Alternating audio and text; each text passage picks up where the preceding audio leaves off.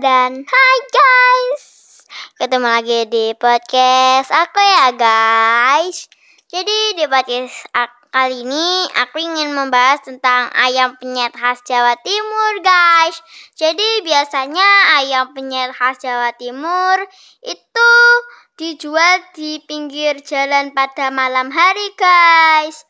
Um, ayam penyet digoreng dikasih sambal beserta tahu. Wah enak banget ya guys apalagi dikasih tempe dan lalapan terus dimakan dengan nasi putih itu juga enak guys Wow, sangatlah membuat ngiler ya guys. Dan biasanya itu minumnya enaknya itu pakai es teh guys. Oke, jika kalian ingin mendengar mendengar cerita yang um, unik dan lucu lagi, jangan lupa ikuti podcast saya guys. Bye, see you.